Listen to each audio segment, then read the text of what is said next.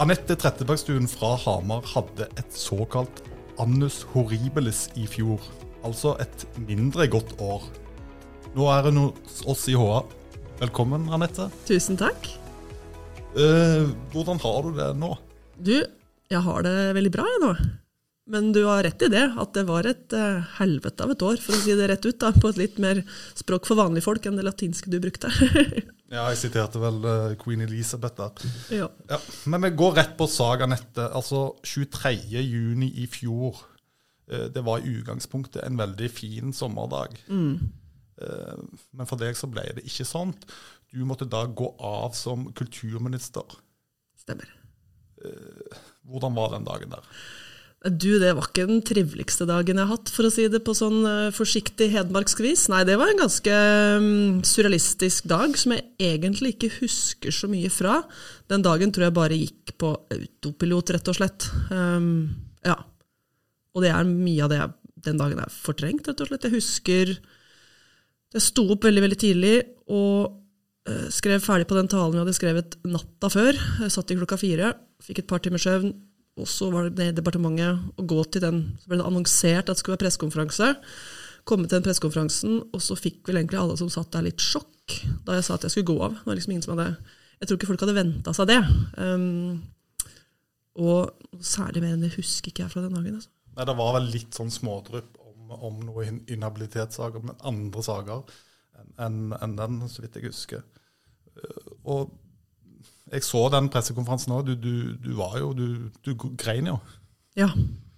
Men det tenker jeg ikke det er greit, da. Det er vel neppe noen som uh, må forlate uh, drømmejobben etter å ha skjønt at man har driti seg ut. Så gjør man jo ikke det med lett hjerte. Da tenker jeg at det er vel greit å ikke klare å holde seg. Jeg tror folk eh, forstår det, og i hvert fall tåler det òg. Men det var helt Ja. Det var, det var trist og kjipt, rett og slett. Eh, Husker du det øyeblikket du forsto at oi, nå kan det være at uh, noe skjer her? Ja, det husker jeg veldig godt. Var- ja. Eh, Samme uka, tidlig i uka, så var jeg på vei til Special Olympics i Berlin. Um, altså OL for, for utviklingshemma. Og på, da vi landa på flyplassen i Berlin den morgenen, for jeg hadde tatt et tidlig fly, så sprakk den saken med Tonje Brenna og hennes habilitetsrot. Og Så leste jeg den saken mens vi sto ved bagasjebåndet, og så husker jeg sa til råderen min det her var veldig rart.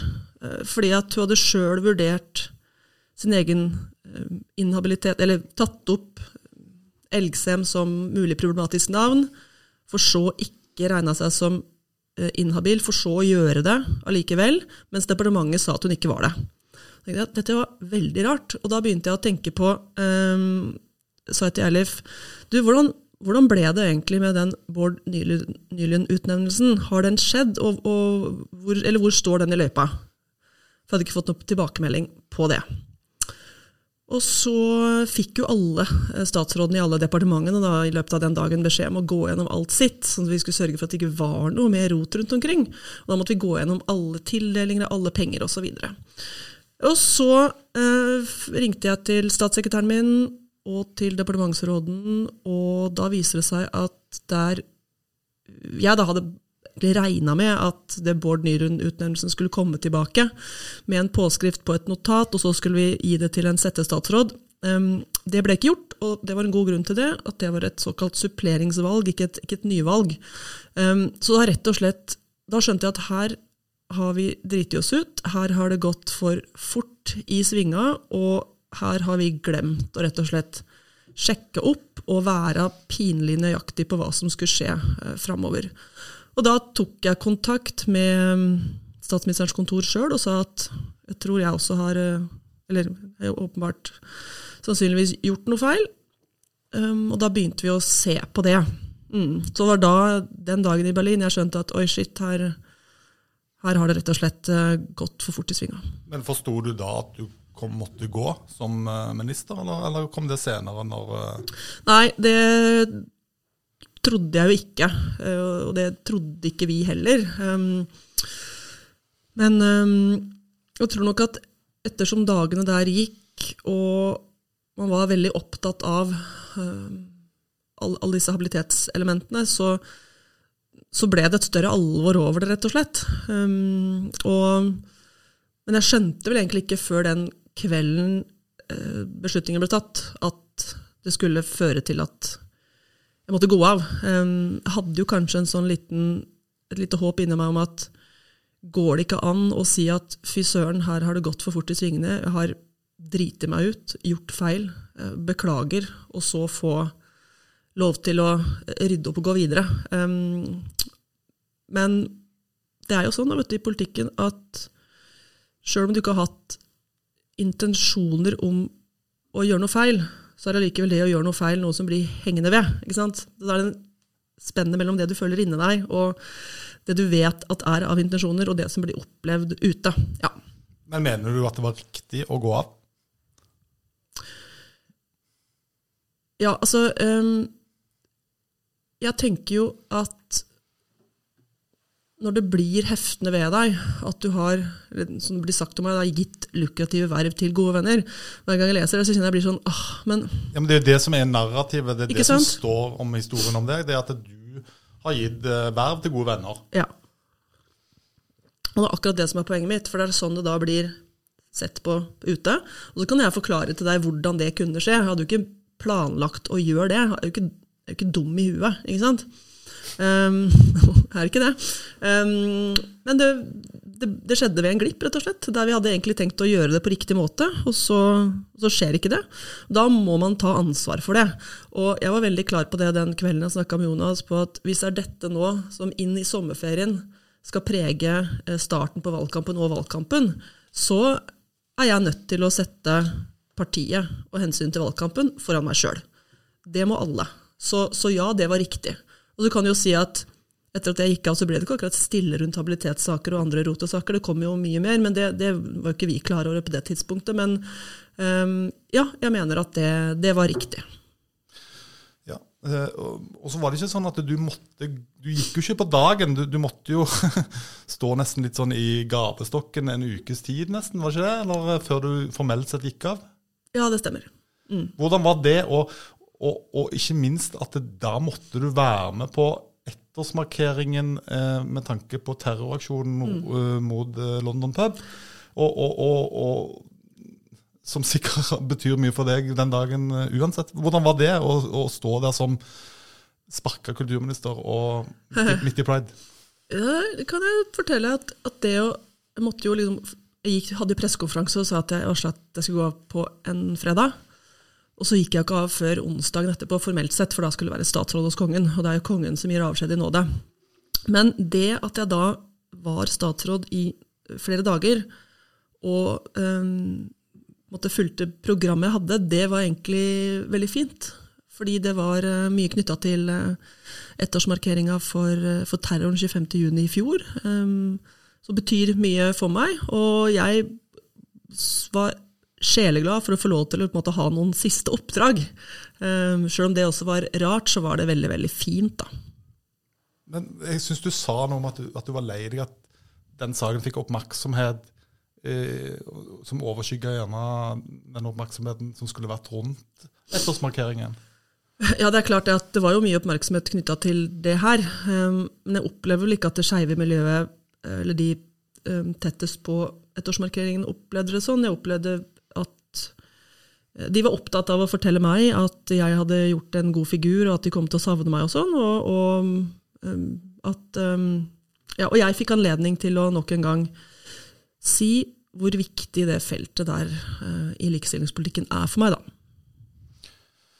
Hvordan var liksom, tiden etter avgangen? Altså, du, det ble jo veldig stille for deg. Eh, vanskelig å få intervjuer med deg. Du fikk kjørt deg i høringer osv. Ja, det var jo rett inn i sommerferien. Um, så bestemte jeg meg for at jeg kommer ikke til å gi noe intervju om det her, eller si noe offentlig om det her, før etter den kontrollhøringa, som da ganske tidlig ble klart at det kom til å bli en kontrollhøring. Og grunnen til at jeg bestemte meg for det, var nettopp det at jeg hadde gått av fordi at jeg skulle forsøke å være med på å skape ro rundt de tinga her. Ikke ha det gående eh, inn i sommeren og inn i valgkampen. Så en del av det ble stille for meg, var at jeg tenkte jeg skal ikke gi noe mer næring til de sakene her nå. En annen del av det var det at jeg syntes det var riktig å vente med å forklare hvordan dette her kunne skje. fordi at akkurat når du har gått av, og pressen på en måte eh, trykker de stygge bildene der du, der du griner, og så har du i tillegg lagt på litt sånn fælt filter, for det gjorde noen faktisk. Jeg ser at det er litt sånn grønnskjær på noen av de bildene. Det hadde de ikke trengt. Um, jo, og da har du ikke spesielt stor troverdighet, ikke sant. Uh, så jeg tenkte at det er, det er for tidlig. Uh, jeg, kom, jeg, må vente. Og derfor så ble det helt stille. Og det var helt, uh, helt gjennomtenkt. At jeg ville fortelle sannheten om hva som skjedde, og hvordan det kunne skje og sånn, i, i kontrollhøringa, og så ta intervjuer etterpå. Men, men kontrollhøringen og etterpå, hvordan hadde du det da? Uh, jeg Det var veldig fint og godt å få den høringa unna, syns jeg. Å få fortalt i detalj hvordan ting kunne glippe. Hvordan det kunne skje. Opplevde at mange tok kontakt etterpå og sa men det er ikke, dette er jo noe annet enn jeg har fått inntrykk av. Um, det um, Ja. Det ligger jo en, en, form for trøst i det på mange måter, uh, men det var på en måte noe som hang over meg i de månedene før høringa, og så, så, var det godt å få det unnagjort, rett og slett. Og da kunne jeg legge det bak seg og liksom begynne på scratch og tenke at uh, flott, nå er jeg stortingsrepresentant for, uh, for, for, Hedmark og Innlandet, og på med den hatten og bare måke på, liksom. Men så ble, var det tydelig at kroppen min var veldig veldig mye mer stressa enn det jeg trodde sjøl. fordi på kvelden rett etter den høringa og eh, deltakelsen i debatten på NRK, så ble jeg skikkelig sjuk og fikk masse feber og fikk en skikkelig lungebetennelse som hang veldig lenge. Ja, For du var sykemeldt en periode? Ja, så sa legen til slutt at du vet hva, du, du er bare utslitt. Du, du blir ikke kvitt den lungebetennelsen. Du må sykemelde deg. Og så, det er greit. Da gjorde jeg det, og så, og så hjalp det faktisk. Hmm mentalt, da, har du, har du vært uh, frisk på å si, hele tiden? Du, eller hvordan preger det deg mentalt å stå i en sånn, uh, et sånt fall? da? I starten der, en sommer, så kan jeg vel best mulig forklare det med at det er som en stor kjærlighetssorg, og at noen har dødd. Mm. Uh, at du har liksom mis, blitt fratatt noe. Det er et sjokk, på en måte. Um, ja, det er på en måte den beste sammenligninga jeg, kan ha. Um, sjokk og trist og ja. Det er på en måte uh, For det var jo ikke sånn at jeg gikk Jeg ville, jeg ville jo ikke gå av. ikke sant? Sånn, jeg ville jo ikke havne i den situasjonen. Uh, så det kom jo brått på. Og, og ja, uh, det var kjipt å måtte gi fra seg den drømmejobben til noen andre.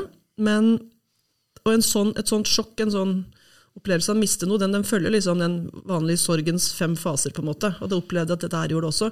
Men jeg kan si at da vi kom til sånn liksom, august, så begynte jeg å forsone meg med det. Um, og i september så var jeg litt sånn ok, men det kommer noe godt ut av det her òg. Um, Hva da? Jo, eh, det har kommet mye godt ut av det egentlig når jeg ser, ser, på det på den måten, og det tror jeg man må gjøre. Jeg har mye mer tid til, eh, til Gustav, eh, mindre stress. Eh. Gustav er altså din sønn? Min sønn. Mm. Hvor gammel har han blitt nå? Han er seks år og, og, begynte på skolen den høsten. Og jeg kunne vært en mye mer sånn fysisk tilstedeværende mamma, da. Og, og stilt opp og henta tidlig og ja, gjort alle de tinga der. Tatt med kompiser på fotball på Løkka og sånne ting, som jeg ikke hadde hatt sjanse til før. Og, og, og ja, fått tilbake litt fritid, da. Så nå tenker jeg på det at jeg var veldig heldig som fikk lov til å være kultur- og likestillingsminister i to år. Jeg er stolt av den jobben jeg gjorde òg. Jeg syns vi har gjort mye viktig på den tida. Eh, og så tenker jeg at, også at man kan ikke opprettholde en sånn livsstil i veldig, veldig mange år.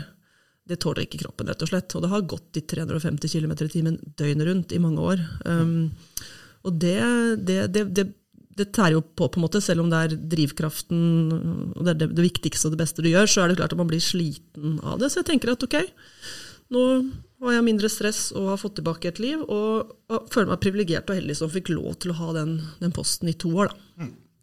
Hva tenker du om den debatten som har vært rundt eh, den saken? Altså, det her har det vært snakk om alt fra riksrett til, ja, til alt mulig. Hva, hva, når, når, du leser sånne oppslag at det er Eh, professor som, som, mener mm. at uh, du bør stilles i riksrett. Hva tenker du da? Jeg har ikke brydd meg så fælt uh, mye om det, men jeg tenker på folk rundt, ikke sant? sånn som besteforeldre, foreldre, familie, sånn, som ikke helt skjønner hva det innebærer, og ikke skjønner at det på en måte bare er en ja, um, At det ikke var noe realitet i det. da.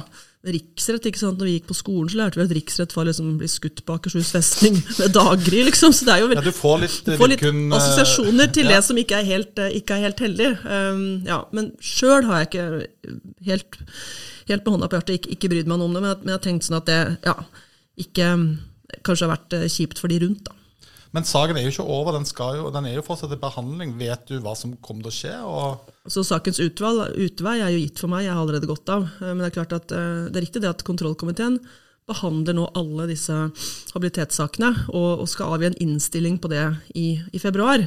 Um, når jeg har gått av, så er det jo ikke noe snakk om å liksom stille noe mistillit og be meg gå for det har allerede skjedd, men de kommer til å gi en vurdering av ja, det sakskomplekset og, og, og hva som har skjedd og hvor ting har gått feil. Da. Mm. Frykter du den eh, tilbakemeldingen, holdt jeg på å si? Nei, Eller egentlig ikke, egentlig ikke, for vi har lagt alle korta på bordet og, og hjulpet komiteen veldig veldig godt til å forstå akkurat hvor ting gikk feil, og, uh, hvor vi burde gjort det bedre, og hvordan ting kunne skje. Da. Hmm. Og jeg gikk jo av, så det er jo det er på en måte det ytterste du kan gjøre som statsråd i å eh, legge vekt på at, eller å eh, ta ting på alvor. Da. Hmm. Jeg har jo kjent deg lenge og intervjuet deg mange ganger. og du har, Jeg vet jo at du har fått veldig mye hatmeldinger opp gjennom din eh, karriere. Eh, Som politiker, eh, har du fått det i denne saken her? Du, veldig lite, egentlig. Skuffende lite. Nei, det er alltid greit å slippe unna det, men det er klart at for mye, fikk mye mer, eller får mye mer hatmeldinger hver gang jeg uttaler meg om noe likestillingspolitikk, enten det er kjønnskvotering eller homopolitikk eller hva som helst, egentlig. Eh, kamp mot negativ sosial kontroll. Fordi at det å drive med likestillingspolitikk er liksom noe av det mest kontroversielle, eh, provoserende du kan gjøre for mange. Eh, da kom det hat. Men da jeg gikk av, så var det veldig lite av det. Altså. Det var mest det motsatte. Eh, Masse støtte og ja. Jeg tror jeg brukte liksom hele juli på å gå gjennom alle innbokser og prøve å liksom få lest alt og prøve å få svart på alt òg. Og fortsatt en dag i dag eh, så oppdager jeg meldinger som ligger liksom litt her og der som jeg ikke har, ikke har sett. Så hvis noen har sendt en hyggelig melding og ikke fått svar, beklager, men jeg jobber meg gjennom det. Og så er det sikkert mange som lurer på, fordi det var jo litt sånn eh, De kunne tolka som det var litt dårlig stemning mellom deg og, og Støre. Hvordan er ditt forhold til det er godt. Jeg tror at når, når man sitter i en sånn formell setting som en høring er, eller en TV-debatt, så er liksom svarene er korte, de er konsise, det er et alvor ved det. Jeg tror ikke man skal liksom eh, ta den, si, det alvoret som er rundt sånne settinger, helt på alvor heller. For det er klart at jeg og Jonas snakka godt sammen om de tinga her gjennom sommeren, eh, og også før høringa. og Vi har et, eh, et, et fint, fint forhold, vi. Eh, Men det er klart, for meg så var det viktig å få sagt og få nyansert dette begrepet advarsler da, som ble brukt under den pressekonferansen hans, som, som jo han ikke mente å, å bruke for å hause det opp, men som ute har blitt sett på som ok, men det må ha vært kjempealvorlig, liksom, har trossa eh, advarsler. Ikke sant? Det er det folk har tatt kontakt og sagt at de har hatt inntrykk av, og så var ikke det riktig. Og klart det var viktig for meg å, å, å få sagt det. Men du, vet du hva meg og deg har til felles? Det tror jeg er ganske mye, men jeg er ikke sikker på hva du tenker på nå. Vi har ingen mastergrad. Nei. Eh, Er du glad for det? At du ikke har det?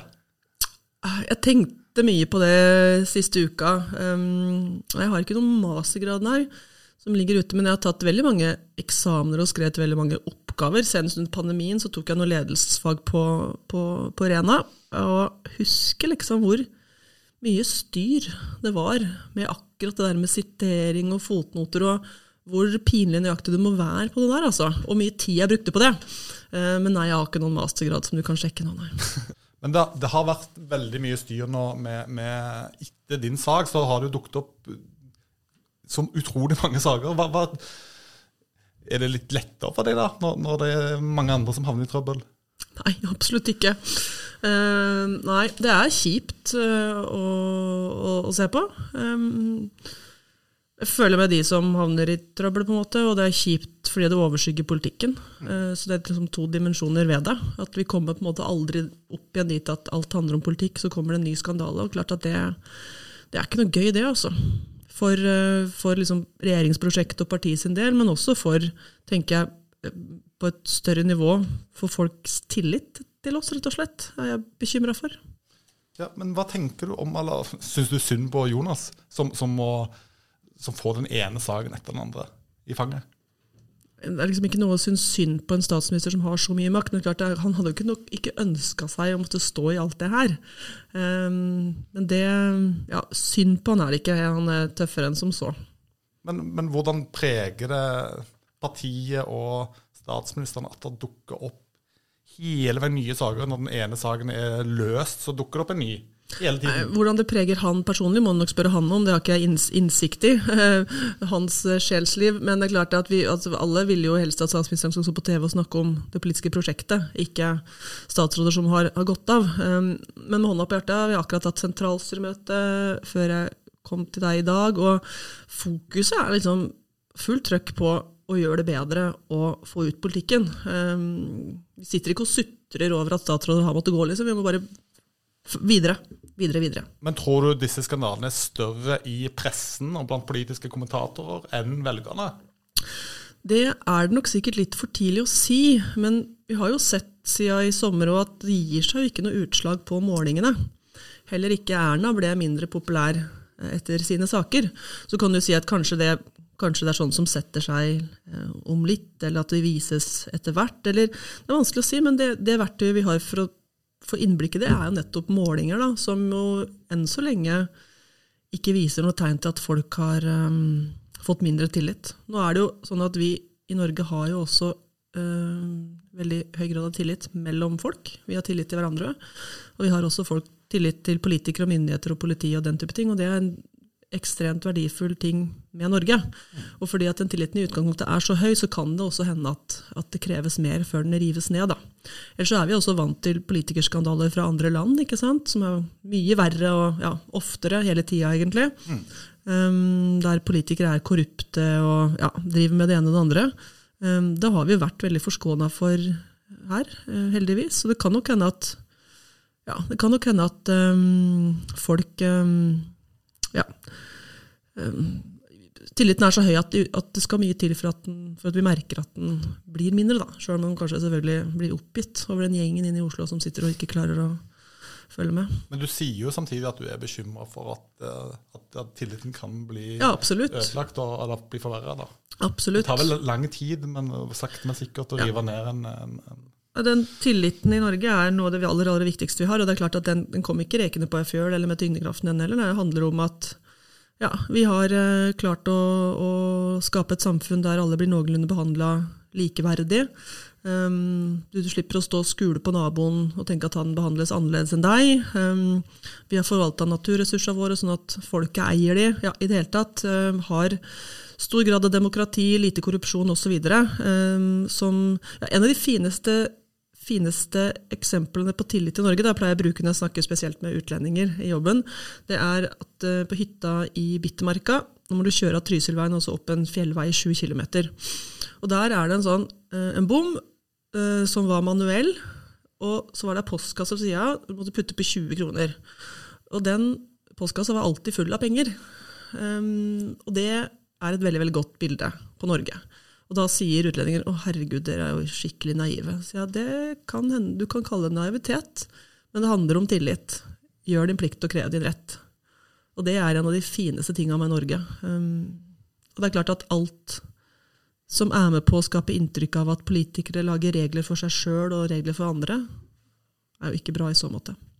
Ja, er det derfor du måtte gå òg? Ja, det er klart at vi forventer at folk skal, skal følge regler. Klarer vi ikke å gjøre det sjøl, så, så, må vi jo ta konsekvensen av det. Men var det mange andre du, du ble inhabil mot, som ikke vi kjenner til? At du, Nei, det var um, Nei, ikke, ikke, men at du, at du var inhabil? ja, ja da, absolutt. Um, hadde en liste over folk jeg var inhabil knytta til. Ja. Um, mm, det har alle. Men du, eh, du er jo egentlig Du ikke, var ikke valgt kulturminister, du ble valgt inn på Stortinget. Eh, og der har du sittet siden 2005. Yep. Eh, du og Trygve kom inn samtidig da, og, og ingen bønn. Du må tilbake der når du fikk, måtte gå som kulturminister. Hvordan blir det å, å sitte der nå i de siste to årene? Det blir kjempefint. Det var jo der jeg var valgt inn for å sitte, og ville det av en grunn. Og så var jeg ekstra heldig å få lov til å bli minister i to år. Um, så jeg kommet inn i hverdagen på Stortinget. Uh, sitter i en komité og skal fortsette å engasjere meg i det jeg engasjerer meg i. og Ta imot besøk og drikke kaffe med folk. og ja, Det er bare å ringe. Hvilken komité du sitter i nå, for de som ikke vet det? Ja, nå sitter jeg i arbeidskomiteen. Arbeids- og sosialkomiteen. Og Det mange lurer litt på, det er altså den saken her, Hva tror du den har gjort med ditt renommé som politiker?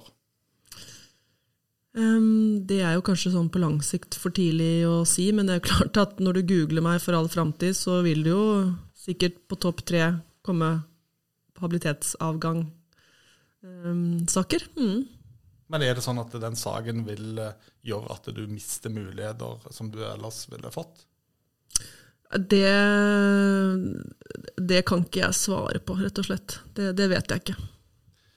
Men det mange nok lurer på, det er at som sagt så har du vært i rikspolitikken i, uh, siden 2005. Uh, eh, skal du fortsette i rikspolitikken eh, etter kommende stortingsperiode? Å, Stian, vet du hva. Det er spørsmål der vet du hva jeg kommer til å svare på. Og det er at det skal jeg svare på når nominasjonskomiteen i Innlandet Arbeiderparti sender oss brev i mai. Men det er jo lov til å spekulere og lov til å spørre. da. Har du, har, har, har du gjort deg noen tanker om du, hva du vil svare på det brevet som kom i mai? Å ja da, det har jeg. Men det vil du ikke røpe her og nå? Nei, det er liksom noe med det. Og jeg skjønner at det er irriterende for dere journalister, men det er noe med ja, respekten for de som har, uh, har, valgt den og gitt den tilliten, at de skal få vite det svaret først. Hmm. Jeg skal si ifra den dagen jeg svarer.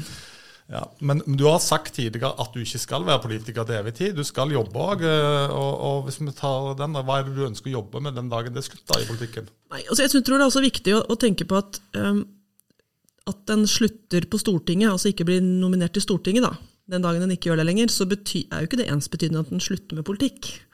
Ehm, de viktigste politikerne er jo de som jobber på grunnplan, altså de som sitter i kommunestyret, driver kommunepartier og den type ting.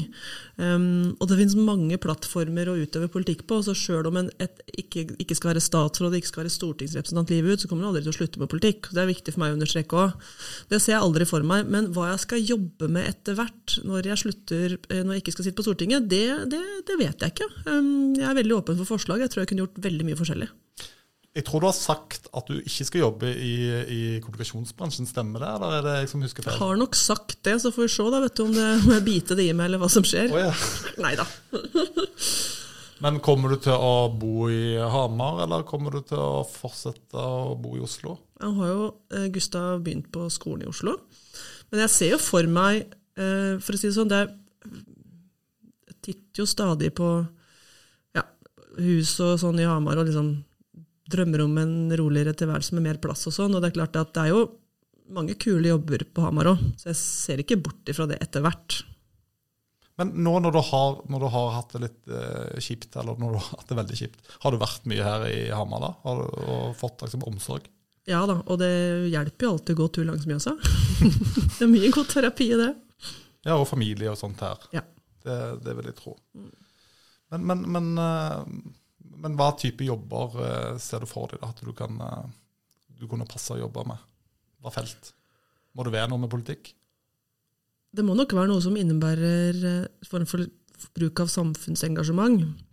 Men jeg tror at, at det er bra ja, at jeg ikke er låst i en sånn retning eller låst i en sånn det og det er drømmejobben. Jeg er åpen for veldig mye, og det tror jeg er ganske sunt. Å ikke, ikke låse seg fast i én idé, men, men være åpen for å ja, men du, nå har du vært politiker veldig lenge.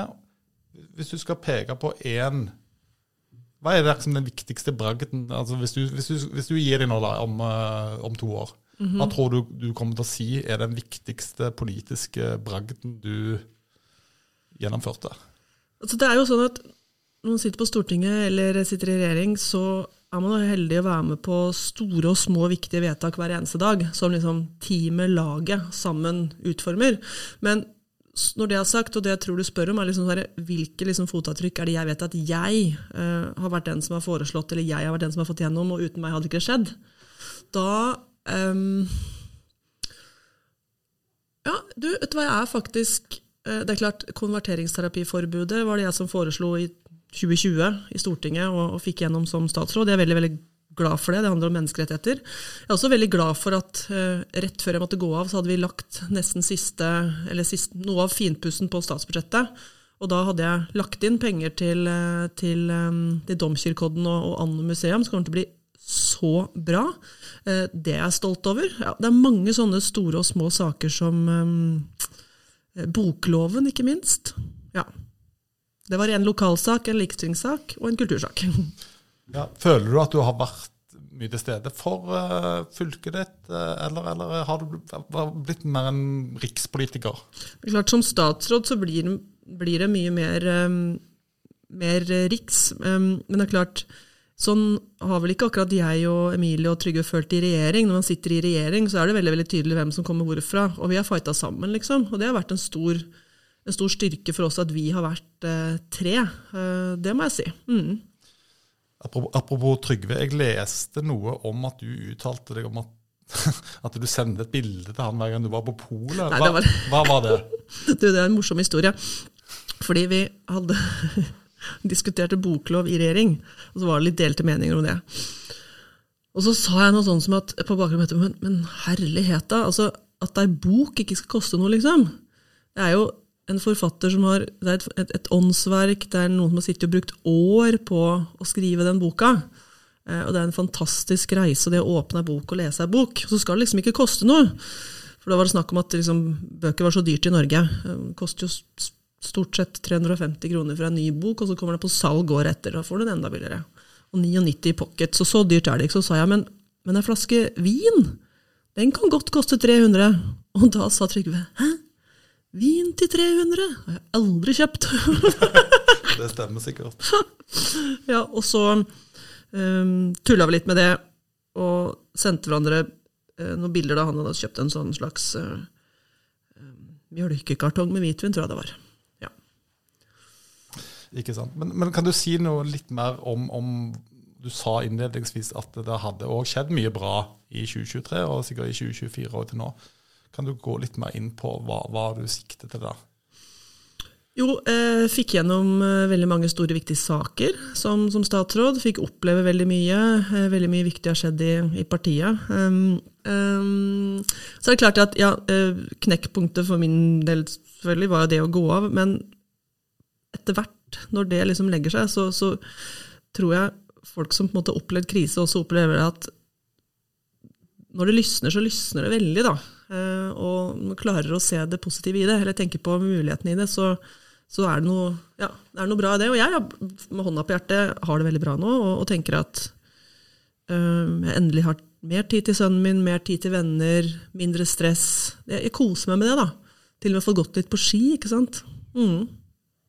Og så ha og tenke på å, å, være takknemlig for det man har fått med seg, rett og slett. Ikke gå og gnu på hva man helst skulle hatt. For det hjelper ikke.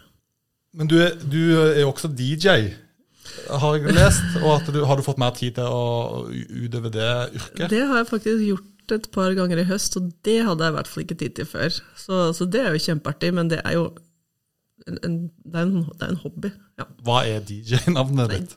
Uh, jeg har egentlig ikke noe DJ-navn. Skal kanskje du finne på et, du som er så tabloid? nei, DJ eh, Nei, det, det klarer jeg ikke på stående fot. Jeg har bare hørt at du, at du Er det David Bowie som er favorittartisten din? Ja, det må jeg si. Hvis man må peke ut en, så er det nok det.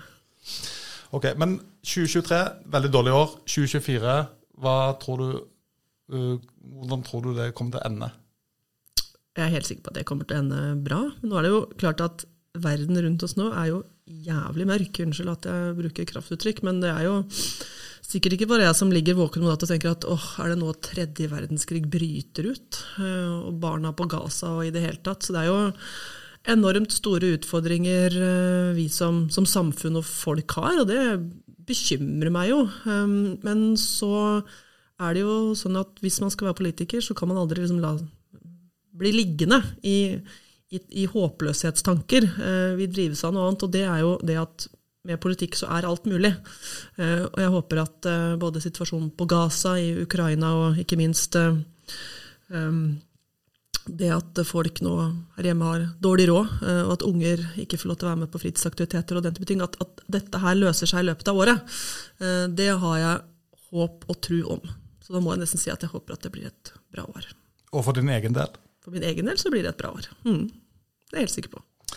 Det er flott, Anette. Vi runder av da. Ikke, du klarte ikke å slå Trygve Vedum i tid, men vi, vi runder av, og, og jeg takker for meg. Mitt navn er Stian Steinsvik. Jeg jobber i Hamar Arbeiderblad.